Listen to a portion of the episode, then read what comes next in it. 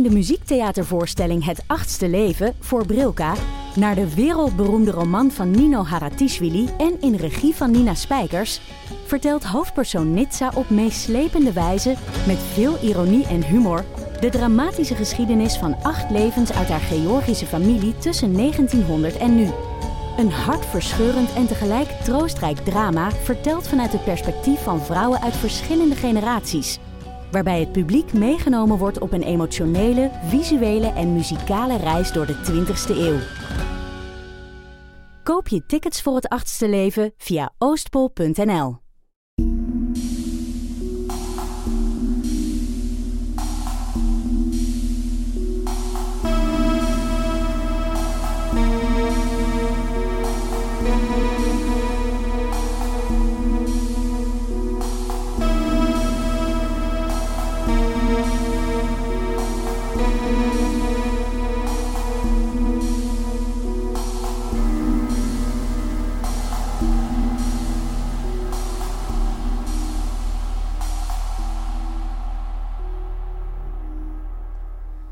Welkom bij aflevering 22 van de Volksjury. Wij zijn nog altijd Laura en Silke. Ja, correct. Correct, dat klopt. En eh, ik vind het altijd een beetje raar hoe ik daarop moet reageren verder.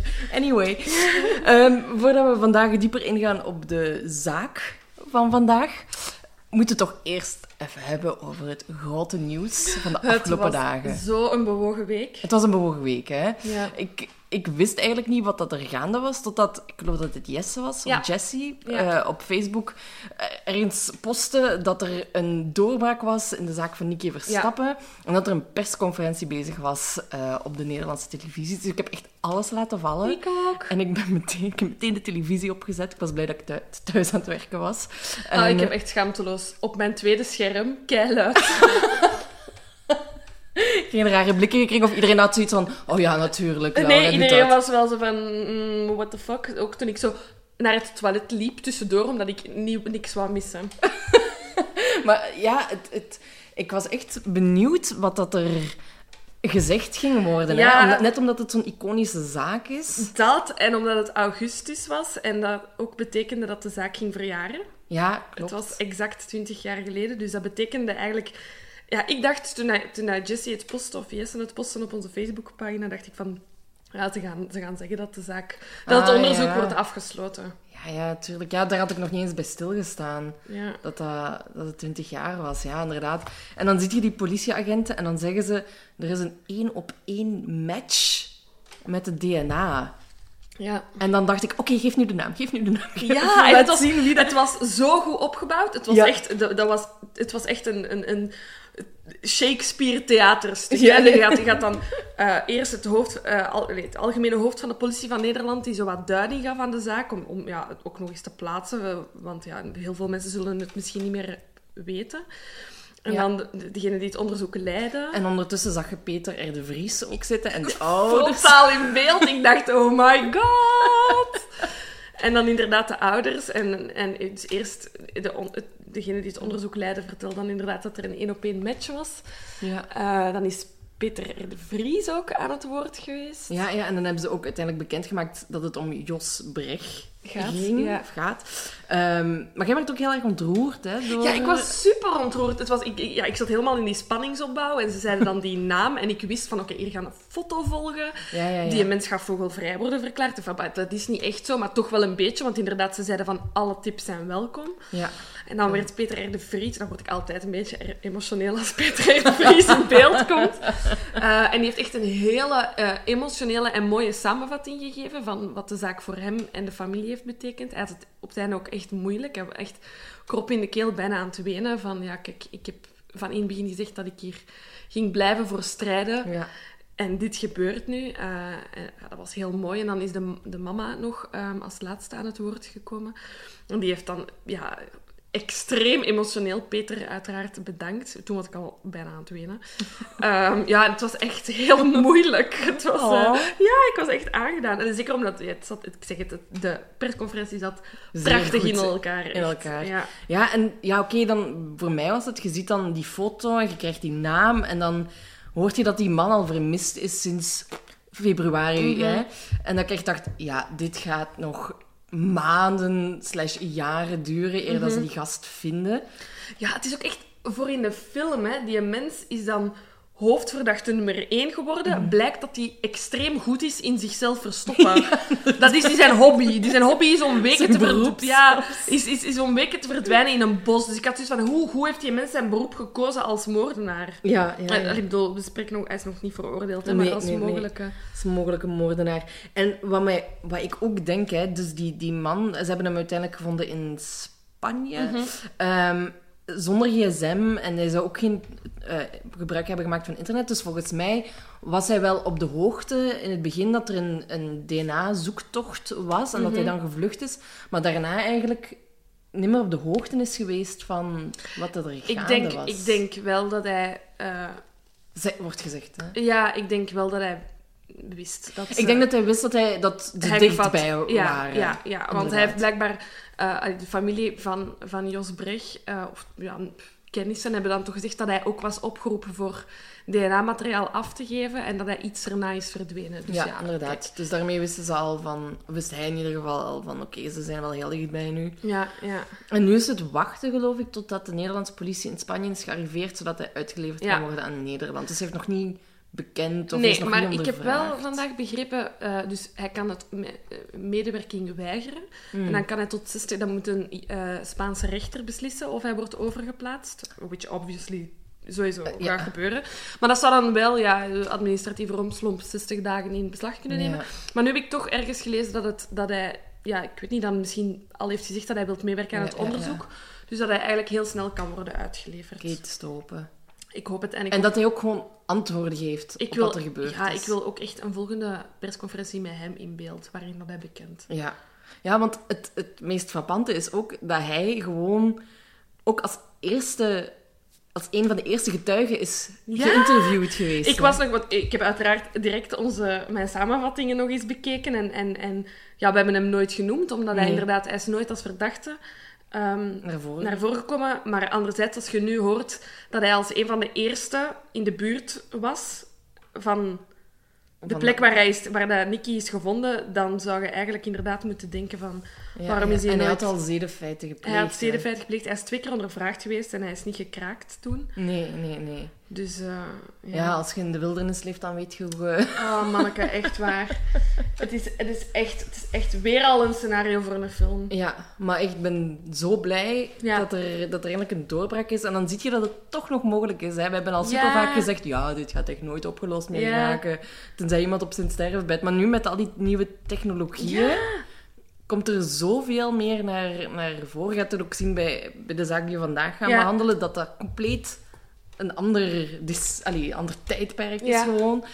Ehm, waardoor dat de kans daar echt niet heel is dat het opgelost Ja. Maar inderdaad. nu, anno Ja, 2018... en ook, eh, we, allee, om, ook vaak in onze zaken zeggen van ja, er is weer iets fout gelopen bij het politieonderzoek.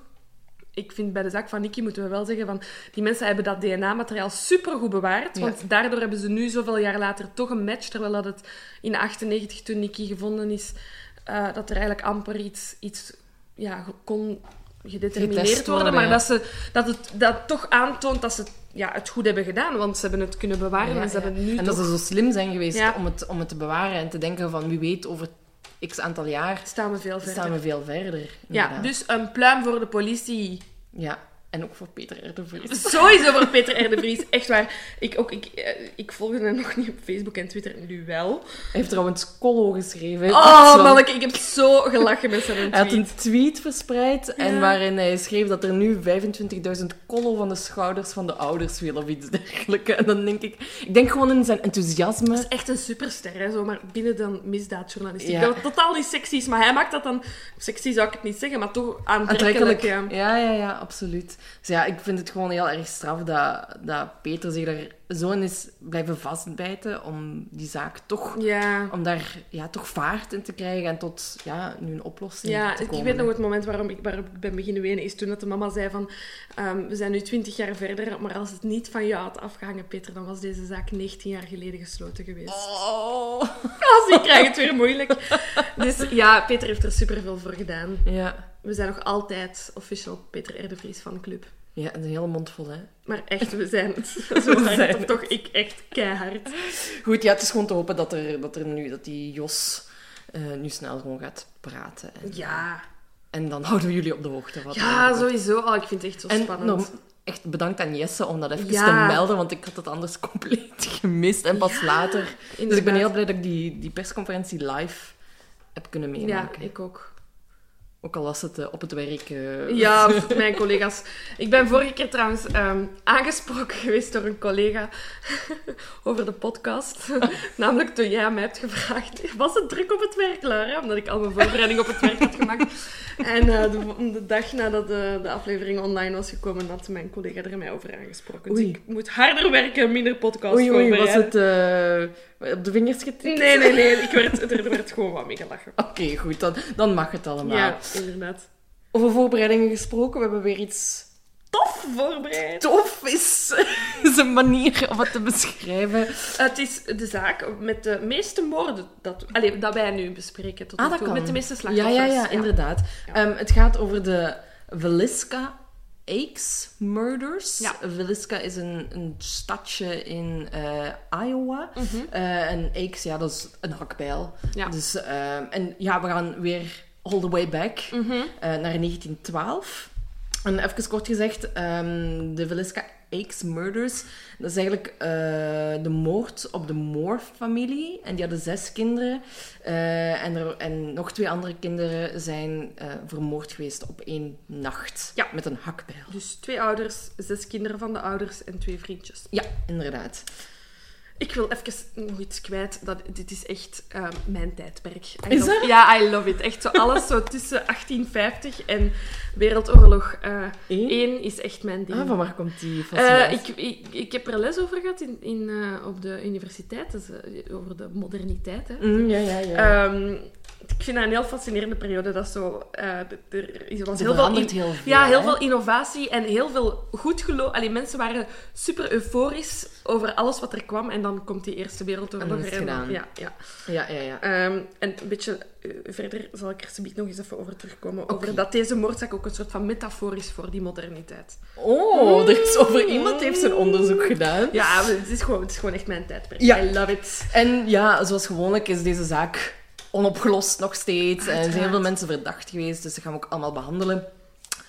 Zullen we het even over de familie Moore hebben Ja. en de feiten? Yep. Oké, dus zoals al vastgesteld bestond eh, de familie Moore, eh, hadden ze zes kinderen. Mhm. Eh, Herman Montgomery, 11 jaar. Mary Catherine, 10 jaar. Arthur Boyd, 7. En Paul Vernon, 5. Ah nee, ze hebben maar vier kinderen, excuus. Vier. Vier. Vier, vier. ja. En dan nog twee vriendjes die Ja. eh, ermee waren. En de vader heette eh, Josiah, was 43. En dan was er nog de vrouw Sarah, 39. Ja, Josiah, ik ga die af en toe Joe noemen, want dat was zijn bijnaam. Ah ja, dat is goed. Dus Dat mag. vanaf nu Joe dan? Ja, of Joe. Joe? Oké, voilà. Ja, dat is nog net iets makkelijker. Ja, Josiah. Ehm, en wie waren er dan nog bij? Eh, er waren de zusjes Ina May en Lena Gertrude Stillinger. Eh, Ina was acht en Lena was twaalf. En die waren die avond toevallig uitgenodigd Ja. ehm, om te blijven slapen. Och, och, toevallig. Het was wel een bijzondere hoogdag. inderdaad. Hallo, het was de Children's Day Service in de lokale kerk. Ja, het Presbyterian Church. Ja. Dus dat is nog een aftakking van het protestantisme, geloof Ja, ik. ja, ja, we zijn in ook oh, Iowa, voor de mensen die eh aardrijkskundig niet goed aangelegd zijn, waaronder ik zelf. Eh het is in de Midwest, dus echt pal in het midden van eh, de De US. Bible Belt. Ja, echt. Aan. Bible Belt, inderdaad. Eh, er zullen, dus dus het protestantisme is ja, overgekomen mee met de Engelse bezetter destijds. Ze een iets strengere Ja, zeer. strekking zeer van, van onze katholieke kerk. Ehm, Ja, van protestantisme Ja. dan, hè. Ja. sorry, ja, van de protestantse Ja. kerk. Ja. Ehm, ja, ze zijn daar dus inderdaad nog naartoe gegaan. Er werd ook georganiseerd en gecoördineerd door eh, Sarah. Ja. En eh, dat programma was gedaan om, om half tien. Iedereen van de familie Ja. was daar aanwezig. Ehm, en daarna gaan- ze gewoon naar huis. Ja, dat is echt de hoogdag, hè. Even, dus, dus een, we zijn in 1912, mijn tijdperk. Ehm, waarin dat... Leef u uit. leven, leven, leven de kerk. Leven de kerk, echt waar. Dat was dus, ja...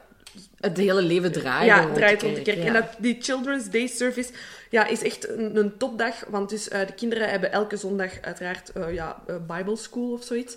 En dus die Children's Day is de afsluiting van dat jaar. Ehm, Ah, ja. Echt zo met ehm, tekstjes voorlezen in de kerk door de kindjes.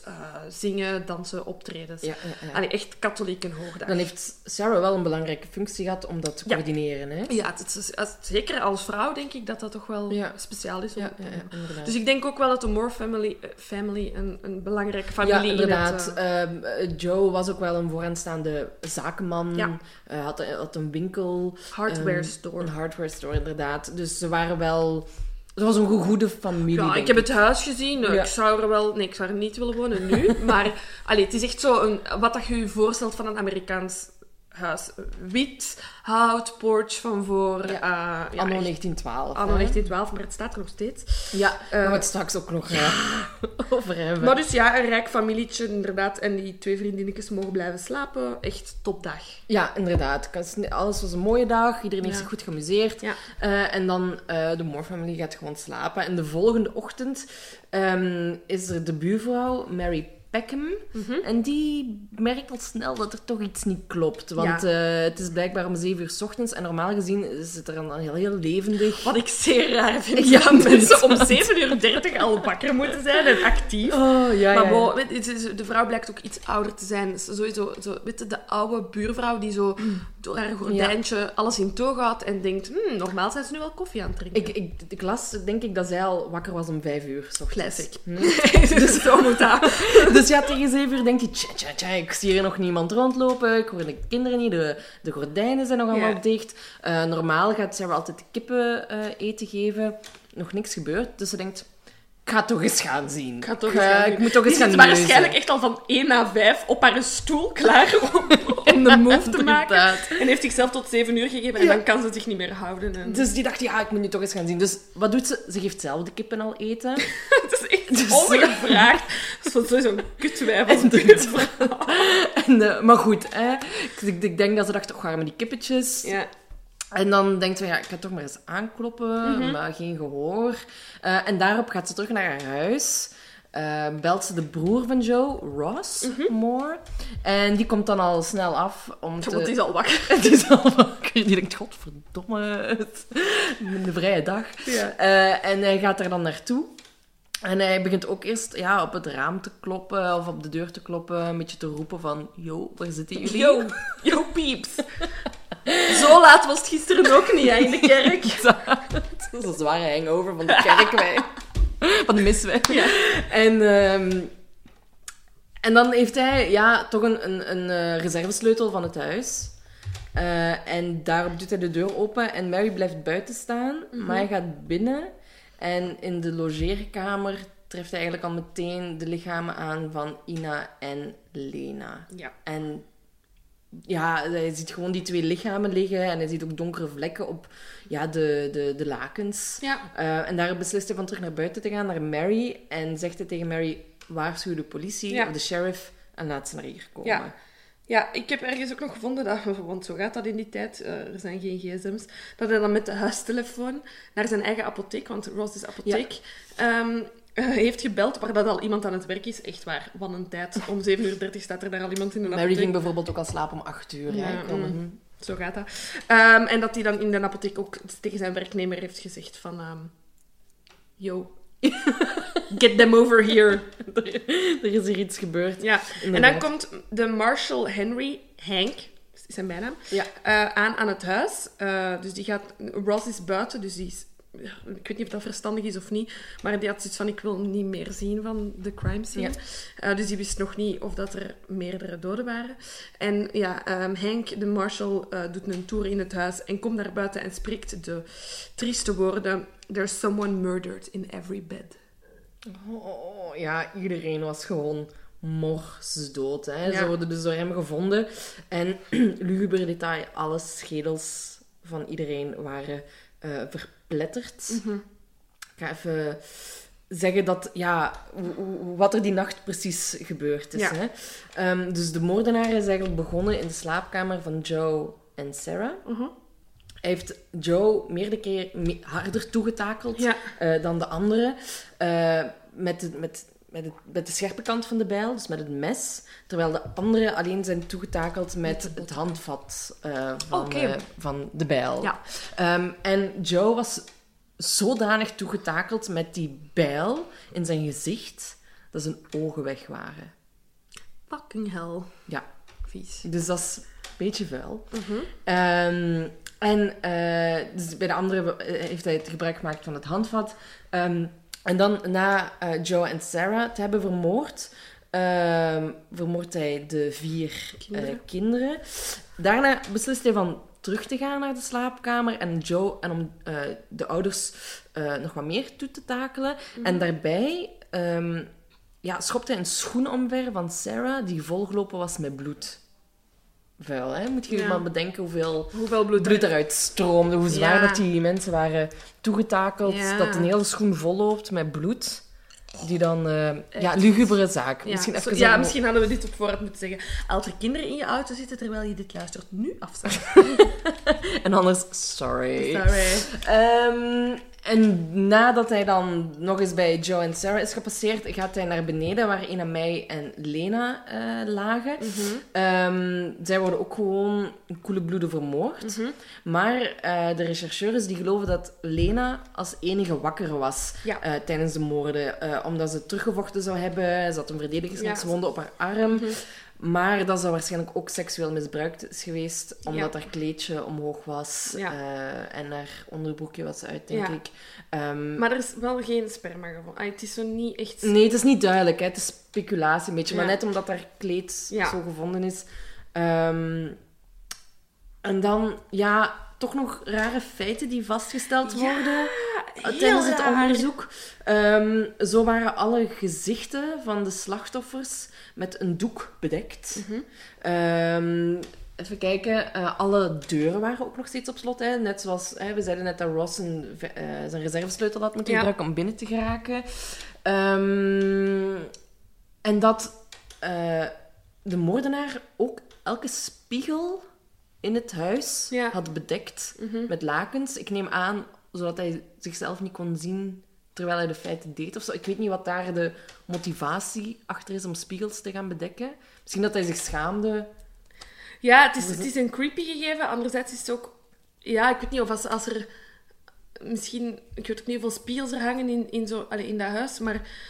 Misschien ook om, om te vermijden dat... Ik weet niet, dat er zo'n spiegel uitkijkt op een trap of zo, dat er iemand kan wegvluchten doordat hij via de spiegel kan... Ik weet het niet. Nee, ja. ik heb ook echt geen idee. En dan ehm, tot slot nog een paar dingetjes. Eh, er was ook een stuk ham gevonden eh, op de grond. eh, in de slaapkamer, waar, eh, of in de gastenkamer waar eh, Lena en Ina eh, sliepen. Eh, er is een stukje afgebroken sleutelhanger gevonden. Eh, en de, het moordwapen, dus de hakbijl, werd ook gevonden in de eh, logeerkamer. Ja. En ze zou geprobeerd, de moordenaar zou geprobeerd hebben om het bloed Af te eraf te kuisen. kuisen. Ehm, ah ja, en nog, toch nog een paar markante Ja. dingen. Ehm, er zou een, een kom met eh, water gevonden zijn dat Mhm. rood kleurde. Dus Ja. waarschijnlijk heeft de moordenaar handen zijn, handen of zijn gezicht willen wassen. En daarnaast stond een bord met eten dat was. was. Ja. Ja. En, ik heb het niet opgeschreven, maar er is ook een lamp gevonden Ja, de- ja in, aan... de, Ja, in de slaapkamer van Lena en... eh, nee, ik dacht aan Sarah haar voeten. Ah, Ik dacht dat het aan, aan Sarah... Ja, het stond ergens op de grond. op de grond en hij was aan. En de, hè, dat was zo'n gaslamp vroeger. En de kap ervan Ah, was... elektriciteit. Goeie tijden. Moet er niet uit. Ja.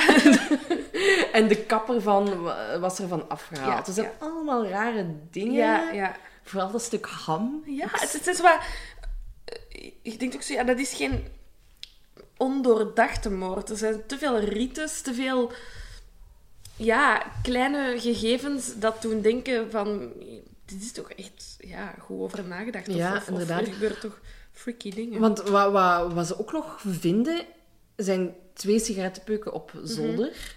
En ze gaan er dus van uit dat de moordenaar heeft gewacht op zolder, twee sigaretten heeft gerookt, totdat de familie sliep, neem ik aan, om dan Ja. ten slaap Ja, want als alle deuren open zijn, dan moet die, eh, gesloten zijn, dan moet die persoon ja, al binnen zijn geweest. Ah ja, ja, ja, ja inderdaad. Ja, Heel raar. heel raar, hè. Ehm, nu, het tijdstip van, van de moorden... Ik heb verschillende dingen gevonden. Ik heb één, één iemand zei om, rond middernacht. Middernacht, ja. En de andere zei rond... Wat ik, wat ik heb gelezen was vijf uur s ochtends. Maar ik neem aan... Ik heb meerdere keren twaalf uur. Ja, rond is- middernacht gezien. Nu, ik, we zijn 1912. Eh, het feit dat die mensen al zoveel gegevens hebben, lijkt mij Ja, ja, ja. al bijzonder. Ik weet niet of dat die echt toen al tijdstip van overlijden... Ja, die kunnen dat misschien zien aan het bloed, dat al dan niet is opgedroogd. Ja. Maar voor de rest denk ik niet dat, dat Pak die... tussen twaalf en vijf. Twaalf en vijf. Ja, ja, dat ze niet echt kunnen... Ja. Ja, ja er, misschien ook even schetsen. Veliska... Veliska? Veliska, Veliska is ehm, best... Het is een stad, dorp. Er zijn 2000 inwoners. En dat is op het moment in 1912 veel. Ja. Eh, het is een heel goed uitgerust dorp. Eh, het, is, het ligt op een eh, drukke verbindingsweg ehm, met, van het treinnetwerk. Mhm. Ehm, Ja. Dat is belangrijk, zeker voor allee, de dingen die nog gaan volgen in de zaak. En er is 2000 man en dat is best wel veel, blijkbaar, Ja. die tijd van, ehm, ja, van, Ja. van de feiten. En ja, de, uiteraard breekt er onmiddellijk allee, massahysterie Ja, ja, ja, in want het dorp. dat was dus sowieso daar al niet vaak gebeurd, maar mensen, denk ik, kenden wel, ja, wisten wel dat er wel al eens een moord werd gepleegd, maar zo echt het fenomeen van seriemoordenaars, dat was nog... Allee, of Ja. van, van die moorden... Ja, bon, laat ons stellen dat er gewoon de laatste 50 jaar in Viliska geen zaak zoals deze nee, was nee, nee, geweest. of nooit zelfs Nee, was nee, gebeurd. inderdaad. Dus dat maakte eigenlijk dat er, vanaf het moment dat dat nieuws brak, verspreid raakte, dat daar hordes mensen naar dat huis kwamen, ook naar binnen gingen. Waardoor heel die crime scene eh, ja, eh, contaminated Ja. eh, is geraakt. Nu, DNA hè, is pas in de jaren 90. dus- Ja, maar ik, ik las wel dat vingerafdrukken, dat Ja. dat wel on the verge ja, was van, mee van het ontwikkelen, om die techniek te ontwikkelen. Dus, dus ze weten ook niet, die ham, heeft iemand dat daar toevallig gelegd. Laten die- vallen bij het zien van een lijk of van Kan, hè? Of die sleutelhanger, behoorde Ja. dat tot een moordenaar? Of was dat weer van iemand anders? Die lamp, heeft iemand dat aangedaan om eens te checken hoe dat het, hoe dat het eruit zag? Allee, ik weet het niet. eh, Ja, dus, ja. Er zijn, dus niemand weet concreet die rare dingen, dingen die wij hebben opgenoemd. Of dat dat... Ja, Behalve, ik denk, het gezicht en zo. Ja en spiegels denk ik ook echt niet dat mensen random ineens Nee, nee, ik denk de dat dat wel effectief de moordenaar eh, is geweest. Maar goed, de, de politie verloor dus zeker de controle over de crime scene. Ehm, er zouden zelfs ja, een honderdtal mensen in en rond het huis hebben uh, Zalig, rondgedwaald. Vooraleer ze dus Ja. wel de crime scene onder controle hadden. Ja, de politie heeft eigenlijk vrij snel een beeld van wie zij denken dat ehm, de moordenaar is. Ja, En dat, dit, dit strookt weer heel hard met de massahysterie. Dus de politie schreeuwt eigenlijk direct uit van... ehm, het is sowieso een zwerver, sla, allee, vagabond, vagabond persoon... Dakloze. Die, dakloze die deze moord heeft gepleegd. Die gaat vol met bloed hangen en die verschuilt zich in een schuur. Op dit moment.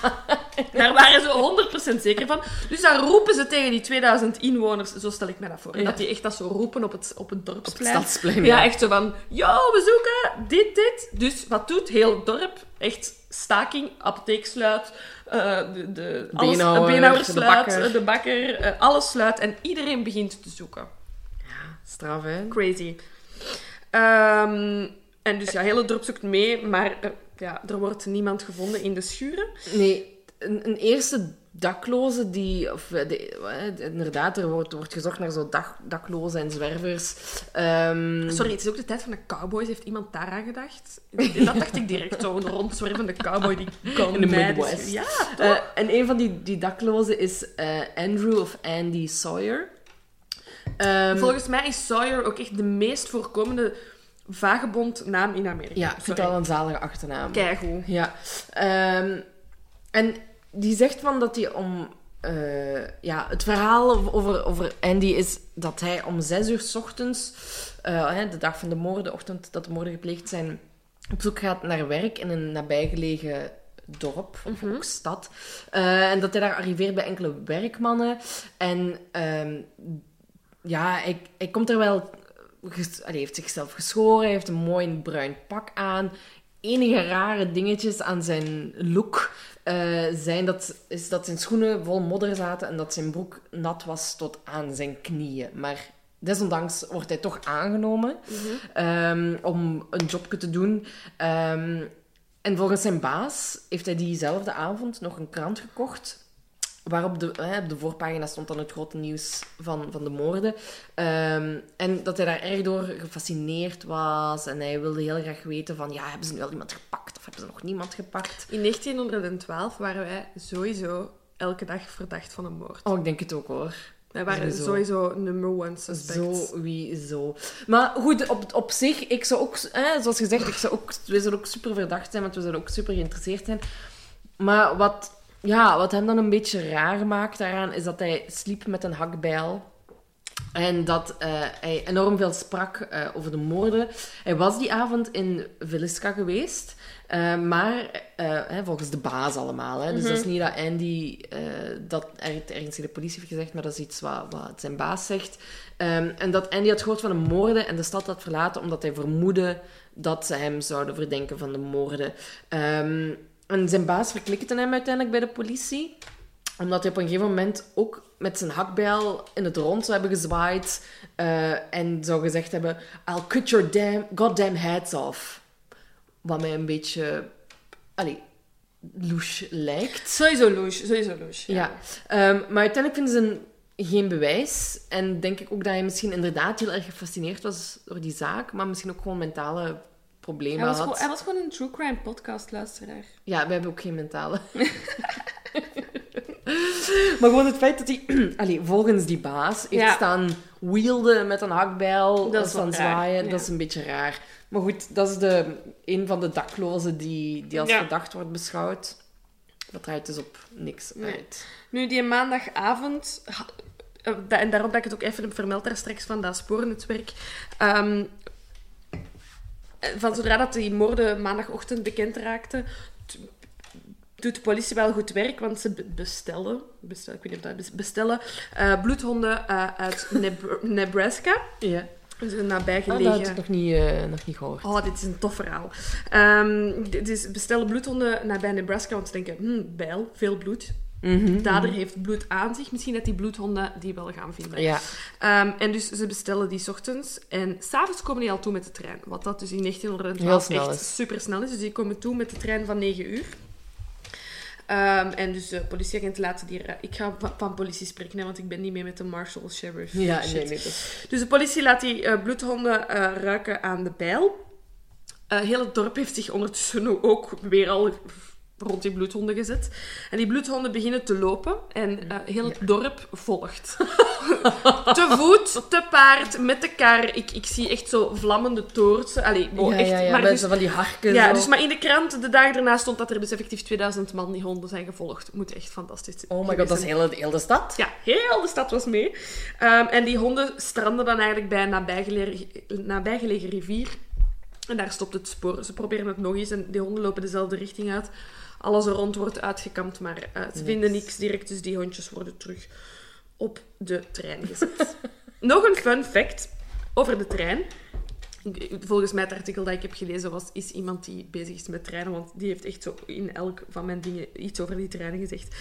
Samen met de honden kwam ook ehm, eh, ja, ik, de, lijkschouwingarts of zo. Ja, de arts De die verantwoordelijk is, ja, de lijkschouwer. Eh, die mens was op vakantie. Och, haar, die mens was op vakantie, maar die, ze weten die toch te bereiken. Dus die komt met dezelfde trein toe Ja, ja, van de honden. Ehm, en wat blijkt dus, effectief, ja, heel het dorp loopt binnen in dat huis om te kijken naar die lijken. Eh, maar de politie had gezegd, eh, eh, alles laten liggen eh, totdat de lijkschouwer is geweest. Dus die lijken Ook daar... stuk ham, alsjeblieft. Ja, dus die lijken hebben daar gewoon in dezelfde positie, niet Oh. afgedekt, want ja, de lijkschouwing was nog niet geweest, gelegen tot 9 uur s'avonds. En pas dan zijn ze dan zo, ja, eh, opgebaard geweest. Oh. Ja, dus die hebben daar echt gewoon ja, een ganse dag liggen stinken. Ja. Om het eervol te zeggen. Ja, om het eervol te zeggen. Ook ehm, wat, wat er ook nog ergens in de kranten verschijnt de volgende dag, is dat er natuurlijk ja, tegen de avond, de eerste avond, is er geen echt dader of verdachte gepakt. En breekt de angst uit. En Ah, ja, ja, eh, zijn alle, in alle winkels, waarschijnlijk is er maar één kleine winkel met één rek, dan zijn alle extra sloten, geweren en honden uitverkocht. en dan zo die mensen, ja, nu zit weer met een hond, hè. Ja. Die- echt, dus al die kinderen mega blij, die krijgen pupjes, niet normaal. Maar dus die mensen hebben zoiets van, the madman hasn't left. Dus we moeten ons nu ja, Ja. beginnen verdedigen. Dus eh, ja, goed, allez, goed gefixt. Nog iemand die met de trein is gekomen, eh, is de persoon, want je zei het daar straks al, ehm, eh, die vingerafdrukonderzoek doet. Ehm, er is een klein incidentje met die mens. Dus die mens komt toe met een trein. Echt, ik heb volgens mij ook de roddelgazet gelezen. Hè, want Ik het ook, want... die mens komt dus ook toe met de trein, uiteraard. Hè, want top, top treinennetwerk. Echt zo één trein per dag. Of zo. Nee, nee, er waren veel treinen. Want dus, dus sommige mensen waren met de trein van 9 uur, maar er waren ook treinen van 5 uur Ja. en zo. Dus er waren veel treinen. Ehm, dus die mens komt ook toe met een trein, maar die trein had een vertraging omdat hij zelf dronken van de trein was gevallen. Oh my god, Ja. dat zijn dan professionals. Maar die hè. mens ging dus de vingerafdrukken ehm, afnemen. Dus er was direct zo suspense van, ja, gaat hij dat wel kunnen? Die is dronken. Oh, ja. Maar hij heeft het dan toch gedaan en hij heeft geen duidelijke vingerafdrukken gevonden. Spijtig. Maar hij heeft wel ontdekt, ehm, aan de hand van bloedspetters, daar zal hij dan ook gespecialiseerd in geweest zijn, eh, dat de bijl, eh, degene die de bijl vasthield, dus de dader, dat hij linkshandig zou zijn geweest. Ah, oké, interessant. Dat had ik nog niet eh, gelezen. Voilà. Hmm. Ja. Ja, echt wel een roddel. Ik heb echt de roddelpers gevonden. Echt een dag allemaal van Iowa in 1912. Maar zullen we er nog een paar Ja, nog wat verdachten, eh, behandelen? Ehm Dominique George Jacqueline Kelly, bijvoorbeeld. Oeh, ja, dat is mijn laatste verdachte, maar ja, goed. Ja, we gaan misschien van least verdacht naar... Of is dat... Nee, nee, nee. Oké, nee, ik ga gewoon... Ja, nee, ik heb wel. Wat voor mij leaster is dan, dan Kelly, is eh, het, de moorden zien in een groter geheel. Maar misschien vind jij dat wel verdachter dan Dat vind ik wel verdacht. denk Oeh, oké. Oh shit, we gaan hier nog ruzie over maken. Oké, we zullen beginnen met Kelly.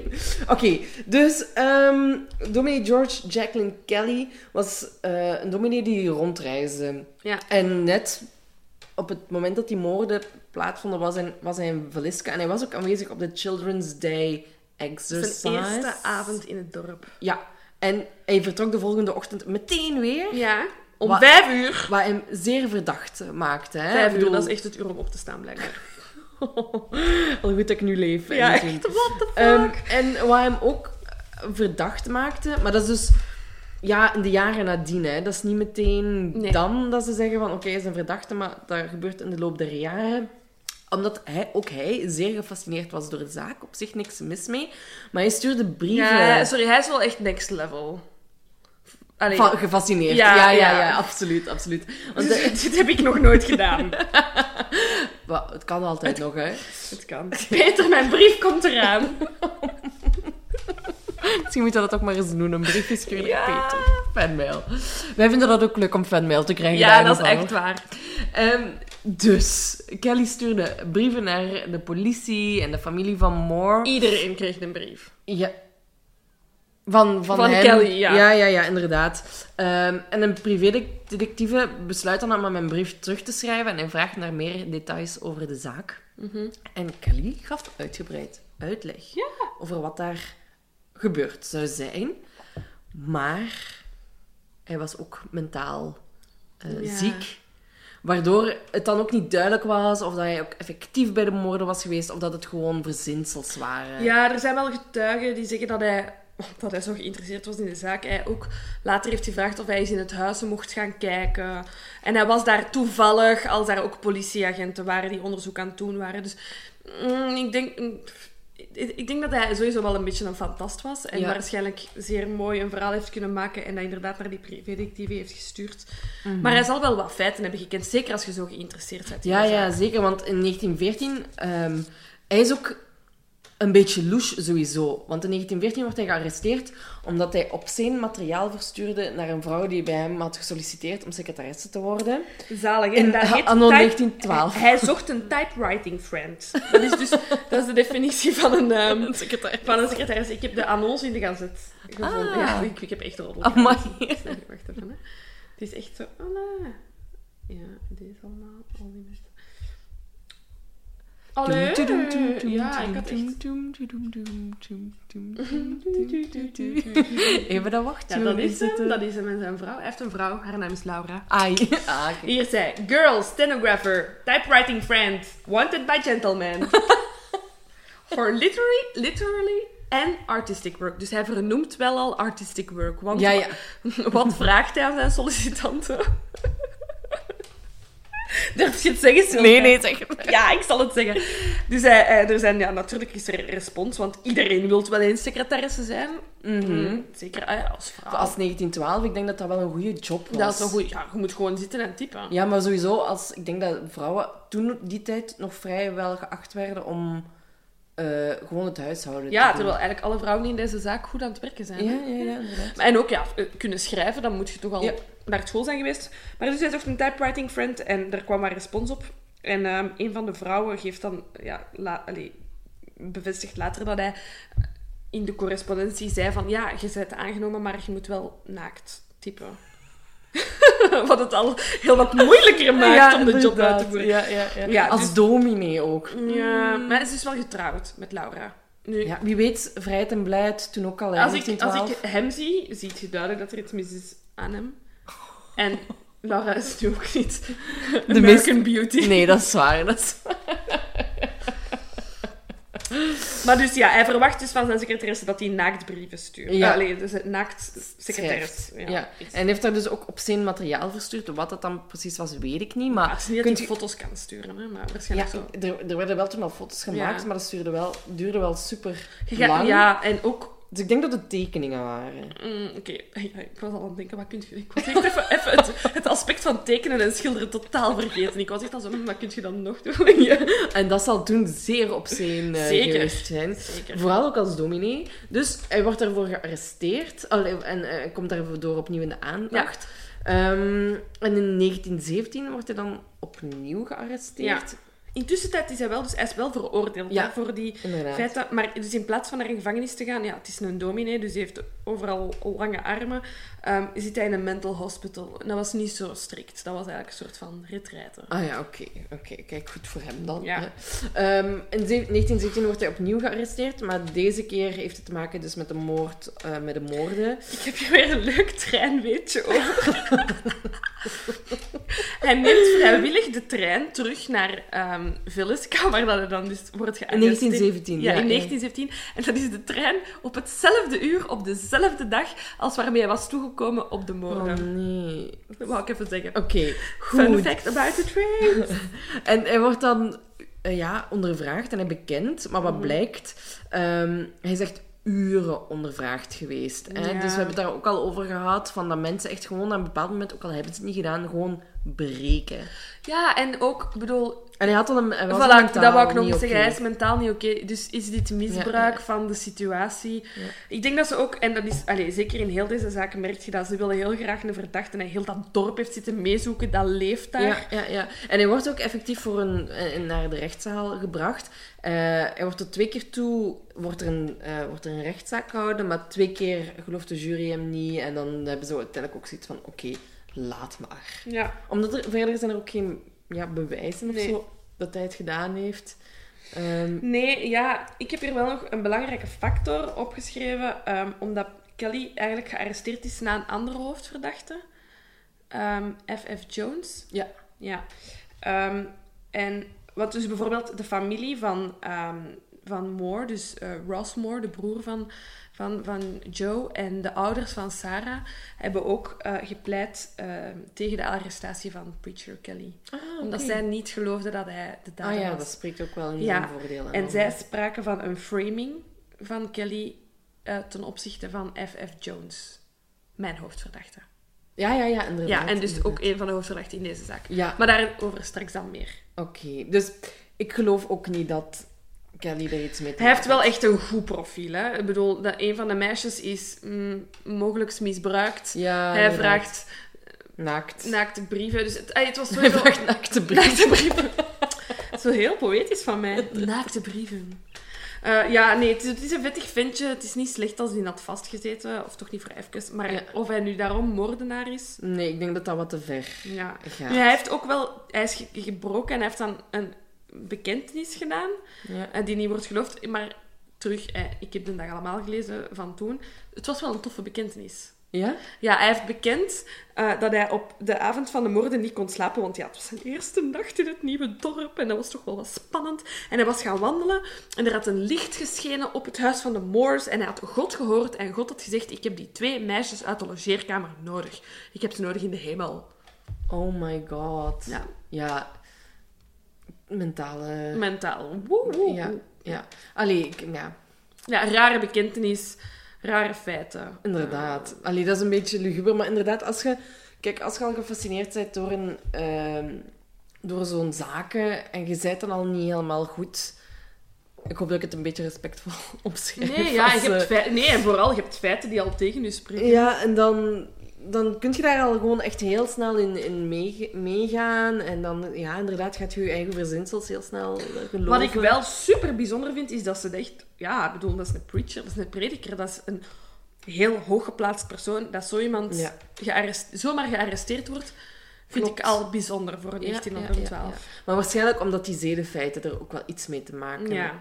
Of, Maar die- ik- of dat, omdat ze gewoon, denk ik, wel gewoon echt keihard bewijs hadden dat hij dat op zijn materiaal Ja. had verstuurd. Ja, maar Misschien- again, bedoel, er zijn jarenlang Operatie Kelk in België, er zijn jarenlang priesters beschermd Ja. geweest voor minder hè, en Ja, voor veel meer uiteraard. Dus ik vond dat wel zeer vooruitstrevend voor 1912. Absoluut. Maar ja, het is dan ook de moderniteit. hè. Wanneer komt daar nog iets eh, over, over de moderniteit? Ah, Wanneer je maar wilt, zulke. Misschien moet je eerst de volgende verdachte eens eh, kiezen. Ja, ja, ik wil dan toch eerst het grotere geheel Oké, dat is goed. Dat is kiezen. goed. Doe maar, als je dat wilt doen. Oké, oké. Ehm, dus ja, het grotere geheel klinkt zo alsof dat er een, een, een hoop... Een conspiracy. Ja, een conspiracy is. Nu, het is wel een beetje opvallend, hè. Voorafgaand aan eh, de Vilesca, ehm Vilesca X-murders is er... ehm, dus die, die vinden plaats in de zomer van 2012. Is er in de herfst... eh, 2012. 1912, 1912 is er tijdens de herfst van 1911, dus eh, ja, een half jaar eerder, in de Midwest om de twee weken een familie uitgemoord. Ja. Affirmatief. Affirmatief. Eh, ik heb niet alle zaken opgeschreven. Ik heb een bondige samenvatting. Namelijk, in sommige zaken is er ook een bijl gebruikt. In sommige zaken niet. Maar de meeste wel. In de meeste wel. Er zijn ook lode pijpen. Maar het is, in ieder, het is in ieder geval altijd wel met schedels inslaan. Mm. Ja, dus niet, geen, geen mes steken of Ja. eh, neerschieten. Het is altijd met schedels inslaan. Ehm, en vaak dus een bijl. Ehm, er, soms stond er ook een lamp Ja. naast het bed, soms niet. Inderdaad. inderdaad. Soms En- waren er jonge meisjes uitgekleed, soms, niet. En soms waren ook de spiegels bedekt. Soms waren ook de spiegels En soms bedekt en soms niet. Dus het is zo'n beetje... Soms wel, soms niet. Maar er komen wel elementen terug. Er zijn veel van dat soort... Het is opvallend gewoon dat er veel mensen zijn vermoord in die periode. Of in zo'n korte periode. Altijd met een, hele hakbijl. familie, een Ja. bijl, inslaan. Inderdaad. In de Midwest, met een goed treinnetwerk. nee, ja, maar het is dus... Ja, dat is ook belangrijk natuurlijk. Want Ja. die, die persoon of personen moeten zich ook makkelijk kunnen Ja, verplaatsen. Hè? ja. Nu, er, is, er wordt eigenlijk heel weinig ingegaan op deze seriemoordenaar-theorie van de politie uit. Ja, ja, inderdaad. Ja, klopt. Ze hebben daar een goede reden voor. Zegt de dag allemaal uit 1912. Want ze zeggen, ja, dat is, dat is gewoon niet zo aantrekkelijk voor de mensen. Omdat de politie op het moment, allee, in 1912, ook maar al te goed beseft dat als dat een seriemoordenaar is, ze die waarschijnlijk niet gaan kunnen pakken. Als die zich zo Ja, vlot er geen, satisfying Ja, einde ja. aan het verhaal. Dat is echt zo van, pas op, er is een seriemoordenaar. Het is een beetje, dat wordt een beetje een urban legend dan. Ja. En dat is moeilijk voor het dorp, ehm, ja, om dat te Bevatten. om dat te bevatten. Dus zij hebben zoiets van, we willen liever niet te hard meegaan in die seriemoordenaar-theorie. En we willen liever een dader achter slot en grendel, want dan gaan de mensen een gevoel hebben van, het ja, is opgelost. Ik vind dat je op zoek moet naar de waarheid en niet Tuurlijk. moet zoeken naar wat de mensen willen. Maar wat dat ze eigenlijk zeggen is volgens mij, als dit de waarheid is, kunnen wij hem niet achterhalen, Ja. want dan is die persoon ons te slim af. En ja, vooral als, al- als die persoon al zoveel moorden op zijn geweten Ja. heeft en nooit gevat is geweest. Ja. Het enige wat daar voor mij deze zo wat tegenspreekt, is dat er ehm, als je dan bijvoorbeeld... We weten dat Joe veel harder is aangepakt dan de andere mensen. Ja. Dat je denkt van, oké, misschien is er voor deze moorden een motief. En meer dan, ik moord graag heel veel mensen uit. Wat dat dan Ja. bij de seriemoordenaar zou zijn. Van, ik doe het voor de moord Inderdaad. en niet voor de mensen. Terwijl er hier ook ja, één meisje is ontkleed, de andere twee niet. Allee, ik Ja. denk dat een seriemoordenaar, in zover dat ik daar iets van ken, bijna niks, behalve internetinformatie, moordt hij voor de moord en niet per se voor de persoon. Ja. Of die zoekt toch een soort van ja, groter geheel dan enkel de mensen. En ik heb wel het gevoel dat bij deze zaak er ja, toch een motief speelt. Ja, inderdaad. Dat, ik denk, daar ga ik dus eigenlijk ook van Ja. uit. Ehm, want in zo'n... Een voorbeeld van zo'n seriemoordenaar, denken ze, was Henry Lee Moore. Geen familie van de familie Nee. Moore. Ehm, dat was een detectieve die... ehm, eh, van een politieagent die eh, ja, zijn aandacht aan, aan Henry eh besteedde. Ehm, en die detectieve die denkt dat Henry ook verantwoordelijk zou zijn voor 22 andere moorden eh, waar we het net over hadden in die periode. Ehm, en hij is ook effectief terechtgesteld voor het vermoorden van zijn moeder en grootmoeder. Eh, slechts enkele maanden na de Moore-familie. En zijn wapenkeuze was ook een hakbijl. Ja. En hij heeft uiteindelijk eh, 36 jaar in de gevangenis gezeten. En hij is dan vrijgekomen toen hij 82 was. Ehm, maar ja, er zijn ook nooit zo concrete Nee. bewijzen voor geweest ehm, dat Henry het gedaan zou hebben. Maar goed, hij heeft in ieder geval wel in de gevangenis gezeten Ja. en is terechtgesteld geweest. Dus hij is niet allee, kunnen gaan lopen of zo, Ja. in ieder geval. Dus hij is, voor wat hij heeft gedaan... Allee, hij is dan niet voor die... Allee, ze hebben het nooit allemaal kunnen bewijzen, maar hij heeft in ieder geval wel... Hij heeft gezeten. tralies. Ja. Ja. Ja, ja, ja. Dan is er nog een mogelijke seriemoordenaar. Ja. Dat is eh, William Blackie Mansfield. Ja. En die was eigenlijk ook een, een hoofdverdachte. Mhm.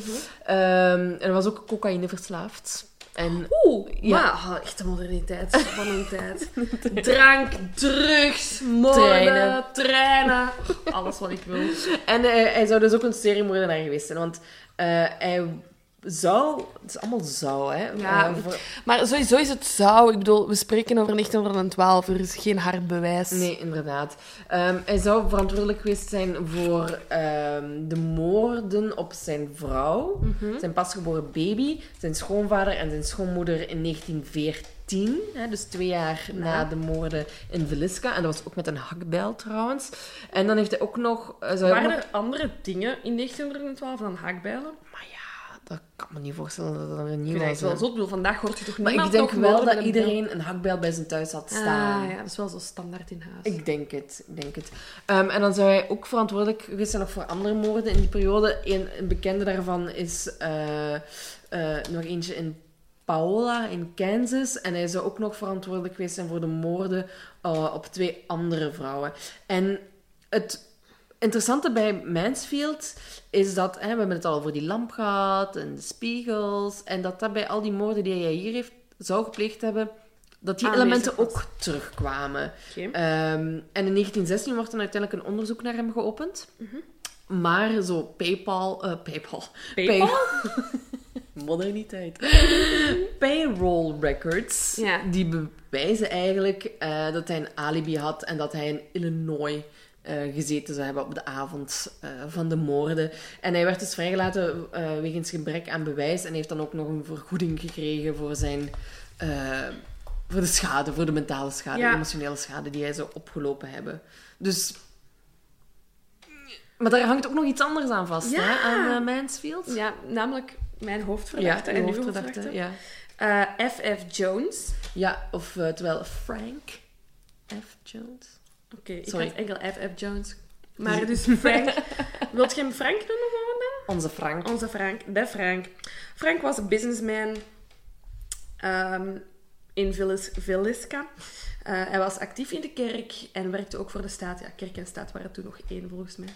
Ah ja, toch ver, verweven. Hij was een belangrijke... was- jij bent expert in die Mm. tijd, hè? Eh, Ja, mm, ik bedoel, de kerk heeft nog altijd veel te zeggen, denk ik, op gerechtelijk vlak vandaag, zonder dat we dat willen en weten. En weten, maar... Conspiracy theory. Tuurlijk, de paus is baas van de wereld. Nee, ehm, Laat ons toch maar even op een manier. ik kan echt een boek schrijven over alle conspiracy theorieën dat ik geloof. Alles, echt alles. Doen, vooral doen. Ja, gewoon doen. Mm. Anyway. Anyways, Frank. dus Frank, very important person. Echt, Ja. echt. Hij was echt, eh, ja... Een senator, hè, een belangrijke politicus. In de politiek, eh, goed bij... Allee, ja, businessman, zeer aanwezig. Ehm, en hij komt eigenlijk vrij snel als verdachte naar voren. Maar eh, niet door politieagenten. Hij wordt eigenlijk ehm, door opnieuw heel het dorp slash stad slash Villisca gezien als de best local suspect. Ja, want hij heeft ook wel een motief. Hij heeft echt massa's Als dat is de eerste bij wie we een motief Mhm. hebben. Buiten het feit van ik hou van mensen vermoorden, is hij Ja. de eerste waarvan we kunnen stellen van hmm, Ja. hij zou Ja. wel een reden kunnen hebben. Hij heeft heel veel vijanden, dus mensen noemen hem heel arrogant. Ja, het is echt een, een echte businessman. En zijn vijand nummer één is Joe Moore. Namelijk de, de, ja, de pater familias die vermoord wordt. Hij heeft daar een goede reden voor. ehm, want eh, als F.F. Jones... eh, hij komt niet oorspronkelijk van Iowa, maar als hij dus verhuist naar Iowa, Villisca, neemt hij een bedrijf over. En Joe werkt daar op het moment van eh, de overname. En Joe wordt een van zijn belangrijkste salesmen. Dus ze werken eigenlijk heel goed samen, Frank en Joe. Eh, maar na een tijdje gaat Joe... eh eh, verlaat hij het bedrijf. ja, in 1908. Ja, ehm, en begint eigenlijk exact het- ja, een concurrerend bedrijf. En hij neemt een heel deel van de stok mee. En ook van het cliënteel. En van de cliënten. Ja, ja. Ja, Dus dat viel sowieso al niet in goede aarde bij Frank. En bovendien zou Joe dan ook de, de oude snoeper een eh, affaire hebben gehad met de schoondochter van Frank. Ik heb de dag allemaal. Het is echt meer dan een affaire, hè. Dus Ja? ja, echt waar. Joe, ik, ik, ik heb echt de dag allemaal. Shit, man. Ik heb echt... Dit is echt een van mijn enige bronnen ook. Ik heb dat gewoon allemaal klakloos overgenomen zonder te dubbelchecken. Maar Allee, voor deze keer Voor zo van die- Het is, het is juicy, dus het mag is het. juicy, dus het mag. Hè. Dus ehm, Jones, hè, Frank Jones, zijn zoon heet Albert. En die trouwt met Donna. Prachtige vrouw. Hè. Ik heb haar opgezocht Ja. in vergelijking met de vrouw van eh, priester Kelly. Wow, bommeke. Ik zal eens even tonen. Allee, bommeke. Ja, zeg, voor die een tijd echt schoon madame. Oh, dat is een mooie vrouw. Schone ja. vrouw. Ehm, maar Donna ehm, trouwt dus met de zoon van, van, van Frank. Frank. En neemt het niet zo nauw met de echtelijke trouw. Nee. Ja. Dus Donna heeft geen job, want ze zit ganse dagen thuis. En ehm, ja, gsm's en computers bestaan nog niet. Wat doet hij? Echt straf. Dat wist ik dus ook niet. Echt straf. Ik ben hier weer Helemaal verbouwing, maar het is echt straf. Wat een stom wijf ook, dat hij dat niet weet. Dus ehm, alle telefoontjes, die komen samen in een centrale. Die wordt nog mentaal... Die wordt echt mentaal. Die wordt nog manueel eh, Bediend. bediend. Dus dat is echt al zien... Ah, die vrouw belt naar die, ik moet die Ja, doorschakelen. en dan met zo'n knopjes en Ja. kabeltjes worden Dus verbonden. iedereen dat daar werkt in die centrale, wat trouwens echt mijn droomjob is, denk ik dan, want dan weet je wie naar wie belt. Die of kent wanneer. alle gossip, hè? Ja. Dus ehm, die weet dat. En die Donna belt dus met haar huistelefoon naar al die mannen om die uit te nodigen bij haar thuis. Dus bo, heel die centrale dat. misschien, again, had ze een afspraak met Albert, hè? Vrijheid en blijheid. Ja, misschien wel. Misschien le- leeft ze in een open relatie. En sorry, in de moderniteit kan dat, hè. Die Ah, waren ja. echt, wel, echt wel losbandiger dan nu. Dus Maar ja. toch eh, super religieus. Maar hè? toch super religieus. Maar dus ja, dus ik vind dat niet kunnen. Donna zit daar te bellen naar al haar minnaars.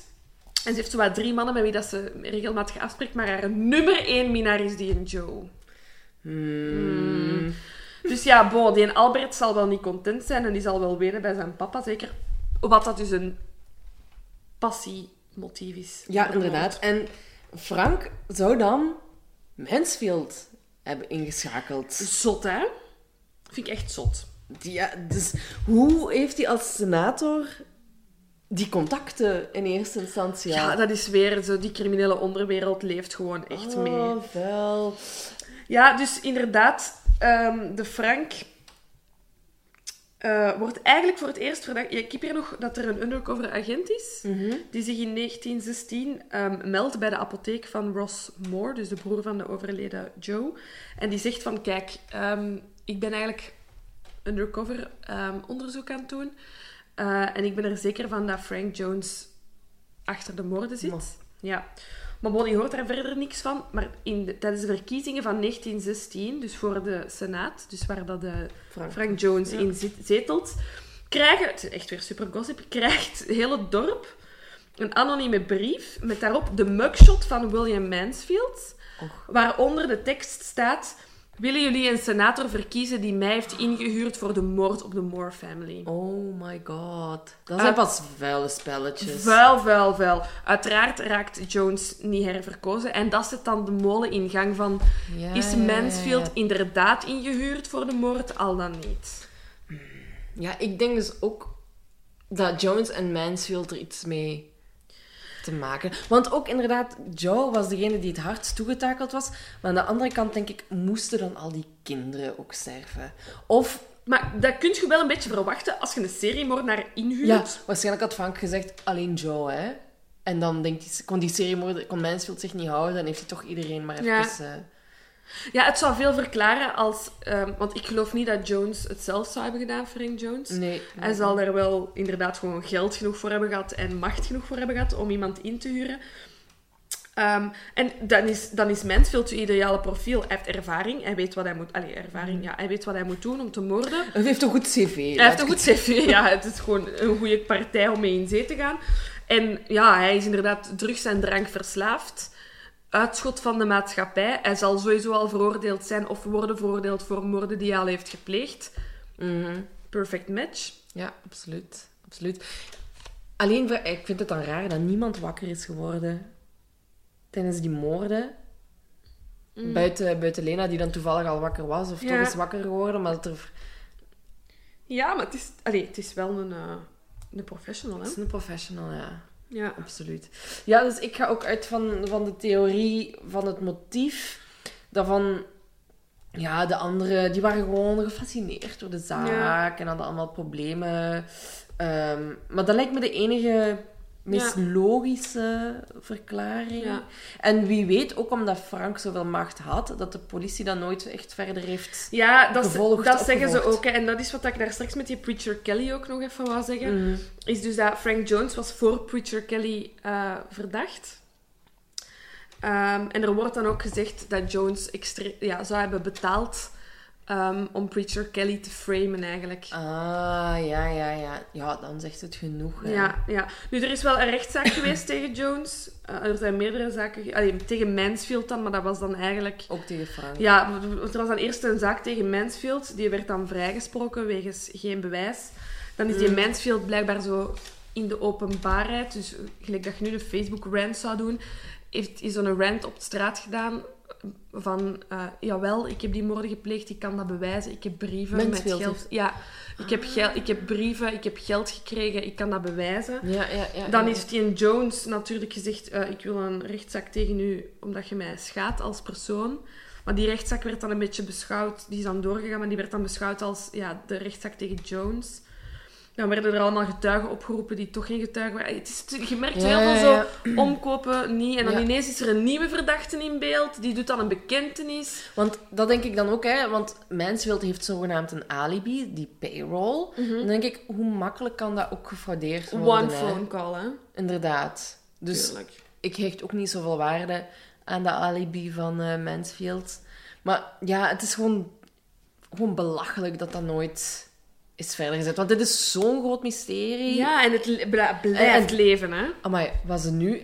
Dat huis, dat staat er dus nog steeds. Hoe kan dat daar nog staan? Ja, ze hebben dat... Dat heeft vanaf 1912 tot nu, of tot 1994, heeft dat verschillende eigenaars gehad. Daar hebben mensen for real gewoond. Ik weet niet of daar nog mensen echt for real hebben gewoond, of dat het gewoon in hun bezit was. Ja. Ehm, maar in ehm, 1994 is het dan gerestaureerd naar zijn originele staat. Dus ik denk dat er nog wel effectief mensen hebben gewoond. Want op een gegeven moment stond daar een garage aan. En die hebben ze bij de restauratie Weggedaan. weggedaan. En terug naar een originele schuur eh, Ja. gemaakt. Dus ik denk wel dat daar effectief mensen gewoond hebben. Eeuw. Ehm, en het werd dan ook... Zeker eeuw, omdat wat dat er nu volgt. Denk ik, wat je nu gaat zeggen. Ja, het, het, we gaan er naartoe, denk ik. Ja. Ehm, het, het werd ook sowieso geregistreerd eh, in het National Regis- Register of Historic Places in 1998. Dus dat gaat er altijd blijven echt staan. God bless America. En dat is nu een museum. En je kunt daar dus ook begeleidende tours in doen. Mhm. En het leukste van al is als je 500 dollar betaalt voor een nacht, je dus ook kunt blijven slapen. Ja, zo'n paranormal Ik activity. bedoel, ik ben gefascineerd door dit zaken, maar dat hoeft niet voor mij. Ik hoef niks te weten van geesten en, en het paranormale. Eén, omdat ik het aan de ene kant niet geloof en aan de andere kant denk ik, misschien toch wel. Uiteraard als, als eh, auteur van binnenkort verschenen boek over uh, Conspiracy. conspiracy theorie geloof ik uiteraard wel in paranormale dingen. Echt super hard, hè? Oh, Ja. En ehm, ah, ik zou het wel doen. Ja. Ik zou er niet zoveel geld voor, voor over hebben, dan nu wel niet. Ik, ga, ik zou naar het museum gaan. Overdag. Mhm. Maar ik hoef daar s'avonds en s'nachts niet te zijn. Mm, ik weet het niet. Ik ben, ik ben dit jaar naar een, ehm, naar een lezing geweest van eh, Guillermo del Toro, de Ja. eh, Oscar, regisseur Oscar-winnaar van dit jaar, van The Shape of Water. Eh, en die vertelde toen dat hij ook heel gefascineerd is door paranormal activity. Activity. Ehm, niet de film, de, de feiten. Het fenomeen. Het fenomeen, ja. Ehm, en dus die doet dat, hè. Dus die gaat in van die hotels slapen. En die heeft dan tijdens die lezing echt zo'n paar van die dingen verteld. En dan denk ik van, fuck. Ah ja, van wat dat hij dan meemaakt, of Ja, ziet en hoort ja, en ruikt. ja. En, mm, laat ons vooral weten of jullie zoiets al hebben Maar, maar heb je dan nooit geesten opgeroepen? Zo Jawel, jawel, jawel. En dan weken daarna scheet, schijten in mijn broek. Echt. Ik Ja. durfde nergens meer alleen naartoe te gaan. Ik durfde niet eens door het bos. Ik, ik ben echt zo'n... Ik kan ook niet naar horrorfilms kijken. Ja, zie, maar dat is bij mij dus ook... Ik kan daar, ik bedoel, niemand kan daar echt zo eh, naar relaxed naar kijken, kijken. Maar zo eh, de angst dat ik weet dat mij dat gaat bezorgen, de spanning, daarvoor kijk Oh ik. nee. Ja, ik denk... Ik ben dan aan het kijken en dan wil ik ook weten hoe het uiteindelijk afloopt. Maar dan denk ik terwijl ik... Waarom doe ik dit? Waarom doe ik mezelf dit aan? Dus ik weet ook al... Als ik daar dan 500 dollar voor betaal, dat ik ook binnen de kortste keren terug buiten sta. Ja, ja, ja. En denk, ik ga wel ergens op een bankje in het... Ja, weet ik veel. Niet daar alleszins slapen. Ja, het is wel fascinerend. Dan ga ik gewoon in mijn wagen liggen. Ja, yo, daar zit je minder veilig dan in een huis, toch? Ja, maar in mijn hoofd Nee, eh. Nee, inderdaad, inderdaad. Dus dat waren de Velisca IX murders. Ja. Ehm, ja, laat ons vooral weten wat je er weer van vond. We vinden Ja, het en- heel leuk. Echt super tof dat mensen weer veel beginnen te reageren. Ja, echt for your interest. Elke keer als we een reactie krijgen of een recensie krijgen, sturen we dat naar elkaar door met keveel hartjes. En we zijn altijd super blij. Ja, we moeten dat toch zeggen. We zijn altijd heel blij van de tuurlijk, reacties. tuurlijk. Ja, want in het begin hebben we gezegd van... Als onze mama zal luisteren, is het goed. En mijn mama luistert niet eens, maar ik ben blij dat jullie er nu Ja, echt zijn. waar. Ik ben blij dat jullie er zijn. Mijn moeder heeft voor het laatst bekend dat ze enkel het eerste half uur van de eerste heeft geluisterd. en nu lijkt ze wel zo af en toe iets. En dan denk ik, je bent niet aan het luisteren. Nee, Je mijn mama doet dat dus ook. Ja, uw dan mama doet ik, dat ook. Want ik ken... Ik ken Je ik, luistert niet eens. nee, voilà, die, die, die doen van die supportive likes. Zo Waar we tussen niks het- aan hebben. Tussen drie kattenvideo's door. Even een like. Dus laat ons vooral weten eh, wat jullie ervan vonden en jullie horrorverhalen, wat jullie al hebben meegemaakt. En Ja, by the way, wat ik al totaal weet was te zeggen, je kunt dus een virtuele tour doen van het huis. dat heb ik gedaan. Ja, ik ook, ik ook. Super creepy met een voice-over. We zullen de link ook sowieso nog plaatsen Ja. op Facebook, zodat je zelf kunt zien waar de Moore-familie om het leven is gekomen. Ja, en misschien zijn er mensen dat er al zijn geweest. Ah ja, laat het ons vooral weten. Of als er nog zo van die haunted houses zijn. Voor Laura om te bezoeken, Ja. ik bedoel dat niet. Ja. Bij deze. Even een disclaimer. Ja. En ook nog altijd suggesties. Ze zijn Absoluut, welkom. absoluut. Alright, goed, was het weer. Ja. Tot volgende keer. Nog even over die grootse en epische muziektheatervoorstelling. Het achtste leven voor Brilka is een marathonvoorstelling van 5 uur. Koop je tickets voor deze bijzondere theateravond via oostpol.nl.